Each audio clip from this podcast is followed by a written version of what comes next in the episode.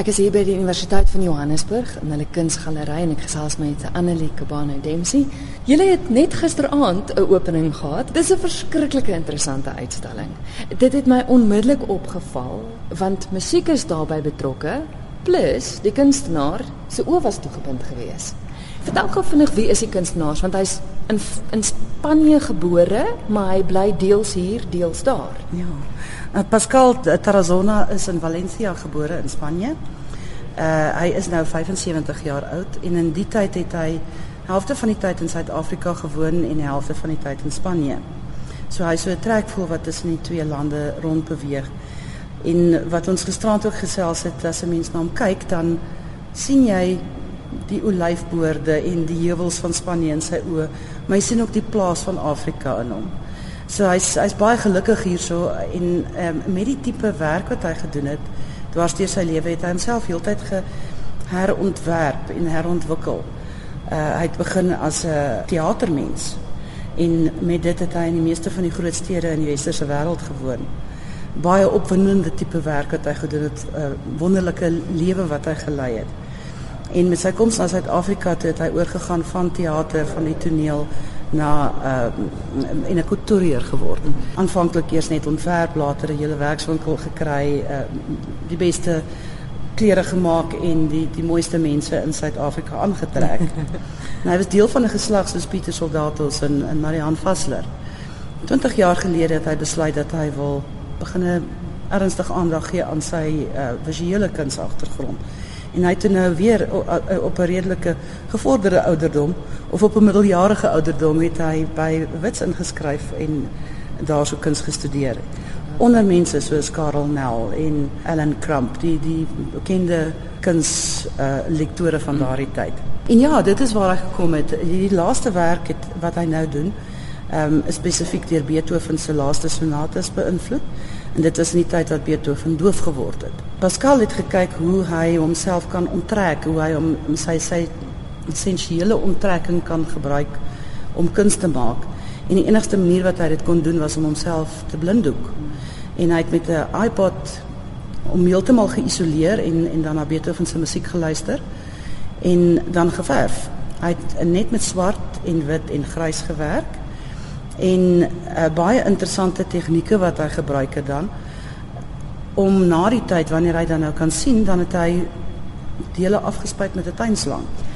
So dit word heeltemal 'n abstrakte ekspresionisme wat hy gepleeg het en wat daar groot vryheid aan die werk is en wat die wat die verf gegun word om te hardloop en te doen wat, wat hulle wil. Uh die die werk wat daar uitkom en en dit is baie interessant as jy dit sou vergelyk met 'n uh, Ehm um, as jy na klankgolwe van van Beethoven se werk kyk, dan is van hierdie sonates nogal baie ehm um, woelig op die op die rekenaar. Mm. En daai spesifieke sonates kom ook so deur in sy werk wat hy gemaak het. Ongelooflik. Ek sien nou hier's 'n paar van ons nou kyk. Dis dis ek moet sê dis 'n mooi uitstalling juis omdat alles ek dink swart en grys en wit is. Dit laat eintlik verskriklik baie in die verbeelding oor want die een wat ons nou kyk het vir my die vorm van 'n iris. Maar vir jou lyk dit dalk soos iets anders. Daar is 'n sensualiteit en ek dink dit is ook deel van die Spaanse karakter wat deurkom. 'n uh, 'n uh, uitspattigheid, 'n uh, 'n uh, sensualiteit wat deurkom, maar dan ook 'n baie fyn gevoeligheid van diepte wat in die werk gekry word wat jy nie sou verwag nie. Omdat dit 'n halfe eendimensionele ehm um, aksie is waarmee hy doenig is. En die gelaagdheid van hierdie werke beïndruk my vreeslik.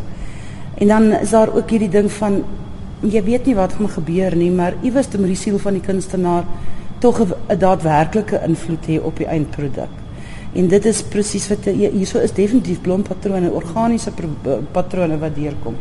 Terwyl hierdie werke wat um, ek dink dit is die dis die sewende simfonie wat nogal baie ooreenstem met die werk wat die wat die Kutai groep in Japan gedoen het hier in die 50, 60s, begin 70s. Ja, dit is ongelooflik as jy kyk aan die een kant en aan die ander kant hoe die style totaal en al verskil. Ja.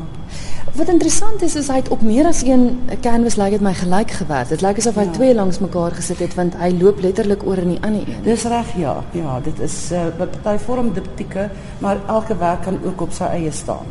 Dit moes moeilik gewees het.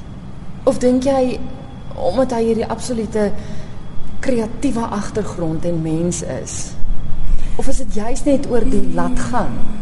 Hy is baie beheerste mens. Uh ek dink hy het, hy het, hy het geweldige integriteit as mens. En dit kom vir my ook weer eens deur in sy werk dat hy bereid is om te laat gaan en die die muse amper te laat oorneem. Wat nie 'n maklike ding is altyd om te doen nie. Veral nie as jy beheer gratis nie. ja. En die ander ding is ook die die totale isolasie wat jy vir lang tye ervaar as jy net daai daai musiek in jou kop het. Dit is uh, ek vermoed dit moet 'n baie groot isolasie het wees wat jy het as as jy net heeltyd vir Beethoven binne in jou kop hoor en geen ander geluide buite dit het nie. Dis ek dink dit moet nogal baie dissipline vat om daai isolasie te handhaaf vir 'n lang tydperk. Maar ek dink dit moes ongelooflik interessant gewees het. Kan jy dink hoe nuuskierig moes hy gewees het om die blinddoek af te haal en te sien wat het ek nou hier geskryf? Ja. ja, ek dink en, en dan ook nog die die die moed van sy oortuiging te of die, die te glo dat as jy met 'n 'n tuinslang met dele van die verf afspuit dat daar nog steeds iets spesiaals gaan uitkom. Mm. Dit dink ek is dit is alles baie waagmoedige werk wat hy gemaak het. Nou, die voorkant van die galery bestaan nou uit die werk wat hy gedoen het op Beethoven se musiek, hmm. maar as ons na agter toe beweeg, is daar van sy ouer werk wat ook te sien is, né? Ja, die meeste van hierdie werke is die laaste 18 maande gemaak. Um, en dan is daar van die werke wat so bietjie ouer is wat na 2012 se kant toe gaan.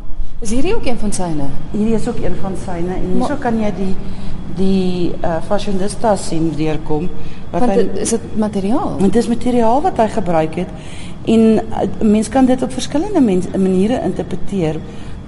Maar die manier wat hy dit vir my verduidelik het is dat dit byvoorbeeld kan wees die ehm um, selle binne in 'n mens se brein of uh, die die hele ding van onderafdelings van die groter geheel. Ons sien nou die is 'n baie groot werk hierdie wat is omtrent 3.5 by 2 meter en dan met hierdie groot gordyn wat jy amper kan hier so afsien gaan.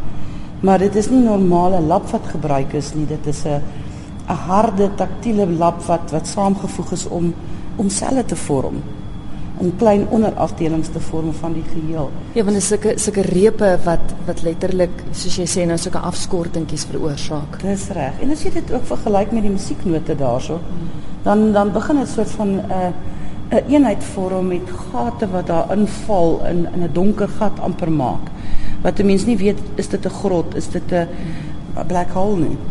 Ja. Daar agter 'n collage. Dit is 'n collage wat hy gemaak het en en as jy mens na na prente kyk van die ou kunstenaars se studios.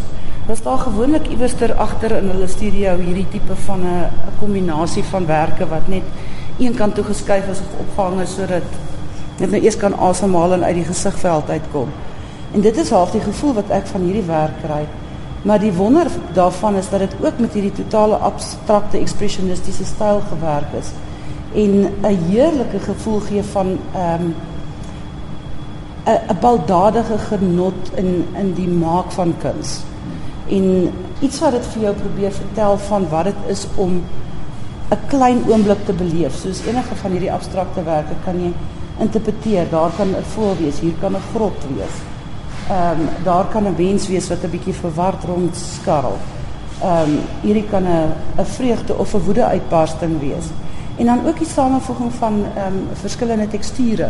Dat dit nie net 'n plat vlak is nie, maar met met grond en met uh pigment en verskillende tipe van materiale wat hy in in hierdie werk saamgevoeg het, maak die hele geheel vir my wonderlik om na te kyk. Interessant, hy het nou kleur in die werk gebruik, maar dis tog dis gereserveerde gebruik van kleur? Ja, baie gedemp. Met enkele daar sou is 'n klein 3 by 3 cm rooi kolletjie ja. in 'n in 'n redelike dowwe agtergrond. Maar tog is dit is 'n geleidelike gradering en die samevoeging van hierdie verskillende is 17 werke wat deel van hierdie collage vorm ehm um, maak dit tog 'n geheel en vertel vir jou iets van die kunstenaar, iets van sy leefwêreld, iets van sy ervaringsvelde. Dis waar dit is asof mense in sy ateljee staan. En daar is 'n materialiteit daarin wat hierso is 'n stuk teater. Dit is amper soos 'n teater stel wat jy voor jou sien en jy kry ook die gevoel van daarso is lap, daar is materiaal hier in gebruik wat uit sy modeontwerp daar waarskynlik spruit maar dan ook die die verskillende wêrelde waarin hy woon. die die wonderlike wêreld van Valencia en en die ek wil amper sê platteland van Johannesburg want hy woon op 'n 'n plaas tussen Johannesburg en in Pretoria. Tot wanneer toe is hy werk te sien hier by julle? Uh die laaste dag is die 8de April en dan het ons tussenin ehm um, uh rondleiding saam met die kunstenaar.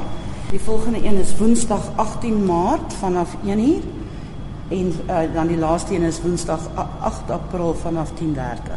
Ek staan nou hier met 'n katalogus in my hand. Dit is ook beskikbaar. Ja, dit word um, gratis uitgehandig en ons was baie opgewonde geweest dat die Spaanse ambassade betrokke geraak het by die projek en die katalogus geborg het.